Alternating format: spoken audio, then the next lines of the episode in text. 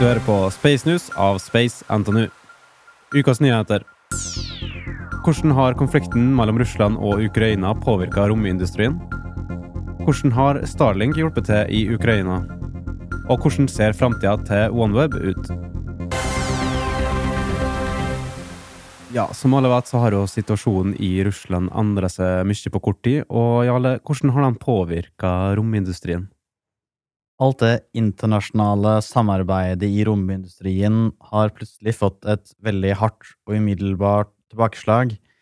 Russland har vært den store bærebjelken i romindustrien i de siste 50 årene, hvor de har skutt opp Soyuz-raketten over 1900 ganger, um, som virkelig på en måte er den største raketten som har blitt brukt og bygd veldig mye av det som verdensrommet er kjent for i dag.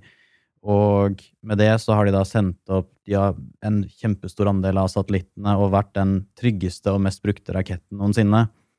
Og veldig mange av de satellittene som fortsatt måtte skytes opp nå, de ble booket på sine flights for opptil 20 år siden. Og sendes på en måte først opp nå fordi satellitten er klar først nå, og det har vært mye utfordringer og sånn. Så vi ser det at de er fortsatt såpass dagsaktuelle med all sin flight-historie og har hatt en kjempestor presedens i verdensrommet, og denne konflikten og på en måte frysningen av alle disse samarbeidene har hatt en kjempeutfordring både på store konstellasjoner, men også som da norske Nima, som plutselig velger å bryte da mm, samarbeidet om mm. å bli førsteastronaut i norske verdensrommet. Ikke sant.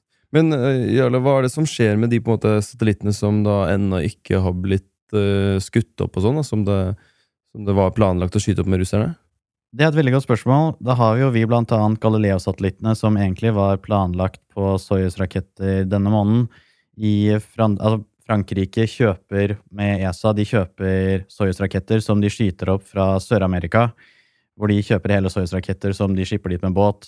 Og så er det da russere som bistår dem å skyte dem opp. Det er for å på en måte utvide mulighetene de har.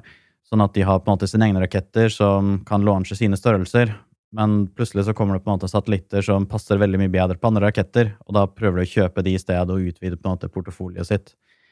Så vi ser det at nå har du plutselig en kjempestor bredde med satellitter som du ikke helt vet hva du skal gjøre med, som ikke har en definert flight. Du har også veldig mange satellitter som blir stående på bakken i Russland, som du ikke vet hvordan du skal få tilbake. Satellitter som er satt inn i på en måte fairingen, som er den som skal beskytte fra eh, lufta når du skyter opp, som på en måte er låst inne og klare. Som Du har nå avbrutt veldig mange kontrakter, men de er betalt, og nå er det veldig mye usikkerhet om du får de tilbake, om de skal skytes opp allikevel. Ingen vet egentlig noen ting. Mm.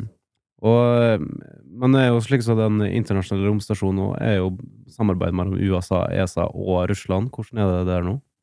Det var veldig mye spenning rundt den, um, fordi ingen visste hvordan det går. Noen kom ut med rykter og sa at russerne planla å kjøre hele romstasjonen i havet.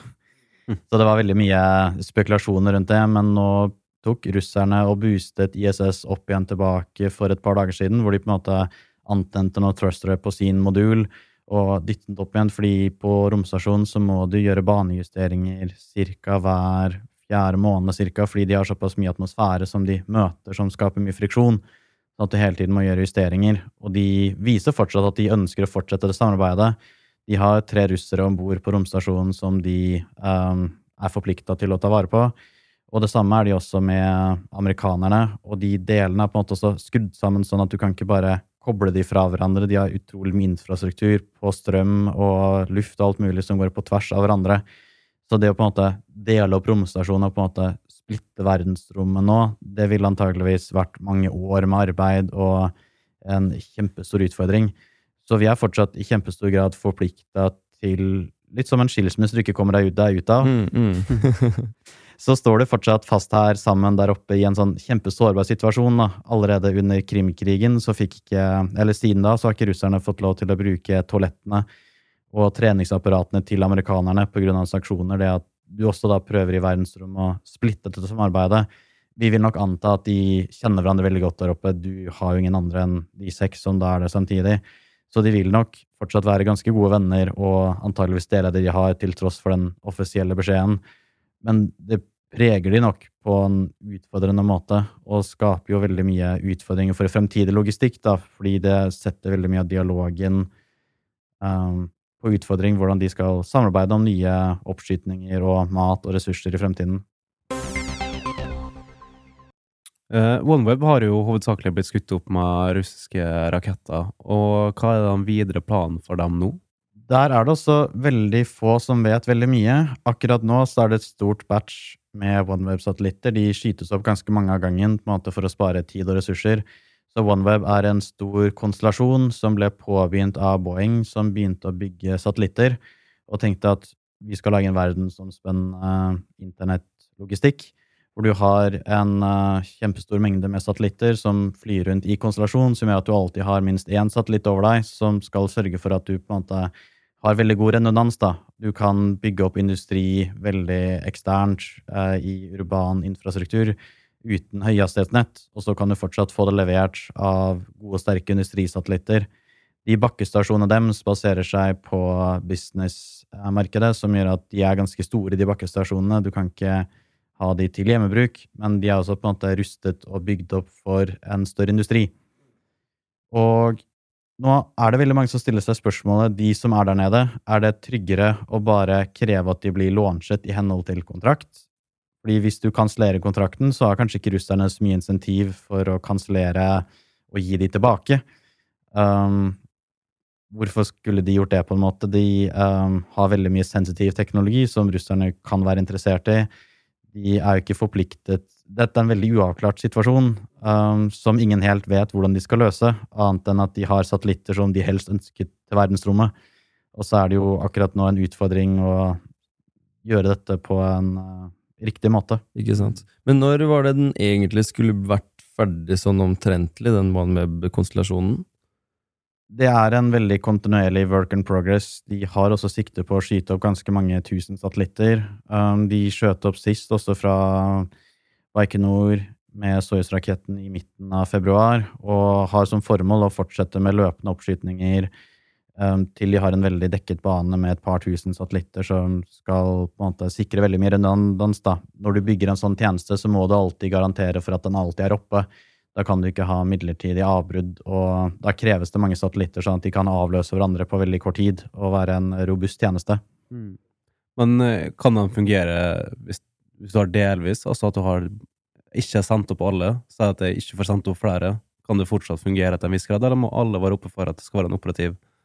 Det blir en veldig annen type tjeneste. Du kan fortsatt levere, men da sier du at du leverer, men du kan hvert time så kan du forvente fem minutter med avbrudd.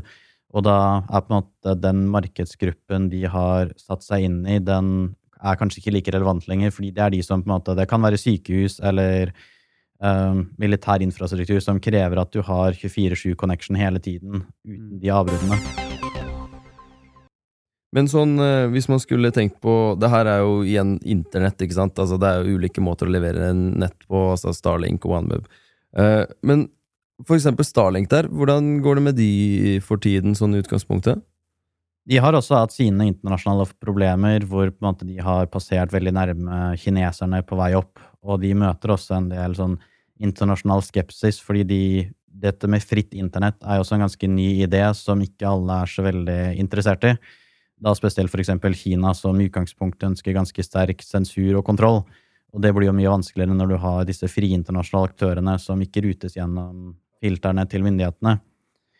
Men nå begynte SpaceX samarbeidet med Ukraina for ca. 1 12 måned siden, hvor de begynte samtalene, som de har gjort med også Norge og resten av verden. Hei, vi vil levere internett til deres land, og da må du kjøpe deg enkelte frekvenser, og så på en måte at det reguleres og implementere i infrastrukturen. De må ha bakkestasjoner på bakken i disse landene, som gjør at internettet kan sendes ned igjen i ca. samme område. Og det krever en del logistikk, da. Um, og da begynte det for lenge siden, og så beskrev, eller sendte den visepresidenten i Russland, i Ukraina en melding til Elon på Twitter og spurte om de kunne få litt fortgang i det. Og da sendte han en trailer med bakkesegmenter med en gang.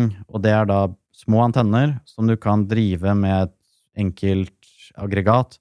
Og da får du høyhastighetsnett på akkurat nå 250 megabyte per sekund i veldig urbane og på en måte utsatte områder som ikke lenger har eh, fibertilgang eller andre muligheter, som gjør at du kan på en måte koordinere De brukte det også under skogbrannene i USA, hvor du kunne på en måte sette opp operasjonssentre i på en måte nedbrente områder som ikke lenger hadde strøm og infrastruktur. Og da koordinere på en måte hjelpearbeid eller eh, større operasjoner som på en måte krevde mye mengde data. da. Og de her skal det også være mulig å kamuflere og bruke på en god måte, men vi ser også at nå er jo Starlink plutselig blitt den eneste ikke-russiske tjenesten i Ukraina, så også de føler seg ganske utsatte og er litt utfordra på hvordan de skal gjøre dette. Mm, men hva, hva, er det på en måte Ukraina nå, eller ukrainere har fått ut av uh, Starlink uh, per nå? Har de på en måte faktisk fått internett, eller er det veldig begrenset, eller er, hvordan er det noe info der, generelt sett? Ja, de har akkurat nå et par hundre pakkemottakere i drift, som gjør at de um, har en utrolig stabil og effektiv tjeneste. Um, man så det at GPS ble jammet opp mot russiske grenser, og de fikk en del utfordringer på det. De her fungerer på Starling-satellittene er veldig lave, opp ned til 200 km, som gjør at de har veldig sterke signaler, som gjør at de er mye vanskeligere å um, skape interferens på. Som gjør at de leverer en mye høyere tjeneste på veldig høye hastigheter, og gjør det som at du på en måte, som hjemmenettet ditt, som det også er på et par hundre megabyte per sekund, så vil du oppleve de samme hastighetene, da bare på det aggregatet du bruker for å drive bakkemottakeren. Mm. Men eh, Starlink der har, jeg, har det en eh, fullstendig operativ eh, fungerende system da, nå, som de bare velger å yte til Ukraina? Ja, så akkurat nå så har de opp mot 100 000 kunder i USA, og de utvider i veldig mange land i Sentral-Europa. Og de var allerede i prosessen om det å på en måte implementere seg også i Ukraina. Og en del av denne konflikten skapte da på en måte et stort insentiv for å akselerere denne prosessen. Man så jo det med på en måte dataangrep, og denne digitale infrastrukturen var veldig skjør. Og også andre aktører har jo slitt med det å levere da, internett i disse områdene, og internett har jo blitt kanskje den mest sårbare industrien. Blant og, mange. Mm, absolutt. Men nå, nå, har man jo Altså, i siste tiden eh, med alle den, på en måte den, de konfliktene som foregår og den type, Eh, er det noe sjanse for at, eh, at eh, et fiendtlig land, f.eks. Russland eller, hvis, eller andre eventuelt, kan gå på en måte imot disse Starlink-satellittene og ødelegge de på noen måte? Det vil være mulig. Um, Russland har jo tidligere også demonstrert hvordan de har skutt ned egne satellitter uh, med anti-satellittvåpen. Som vil si at du sender som en stor missil opp i verdensrommet og klarer da, å treffe med veldig nøyaktighet disse satellittene det er en utfordring med spesielt Starling fordi de planlegger av 30 000. Akkurat nå har de rett underkant av 2000 aktive satellitter, så det vil kreve enormt mye ressurser for å på en måte tilintetgjøre tjenesten.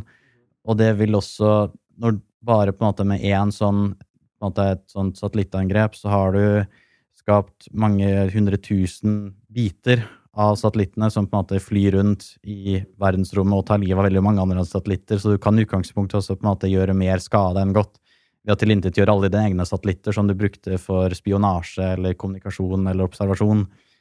Og det kommer da også med sine helt egne nye konsekvenser. Så det er ikke sånn at de kan ødelegge én spesifikk som har ansvaret for et eller annet viktig, og så vil 10 000 av de andre bli eh, ikke-fungerende? Så det er på en måte ikke sånn det funker?